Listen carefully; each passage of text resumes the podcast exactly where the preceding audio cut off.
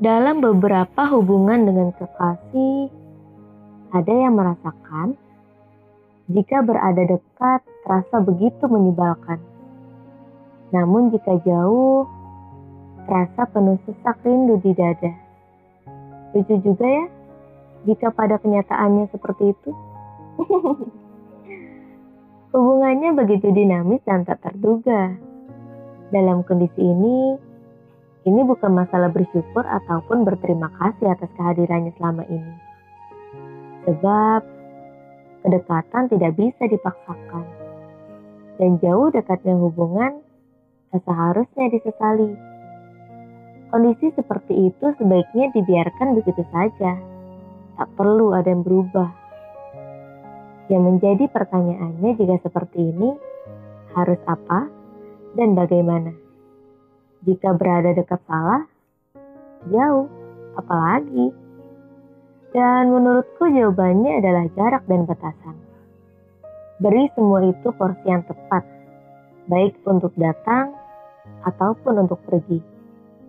Seperti memotret menggunakan kamera jika malam hari harus menggunakan cahaya yang pas, begitu pula siang hari harus tahu kondisi cahaya yang ada. Seperlunya kataku. Manusia cukup beragam. Tanpa sadar, kita mencari mana orang yang paling nyaman dan kita butuhkan. Terdengar oportunis. Lalu mengapa kita menghakimi hal semacam itu?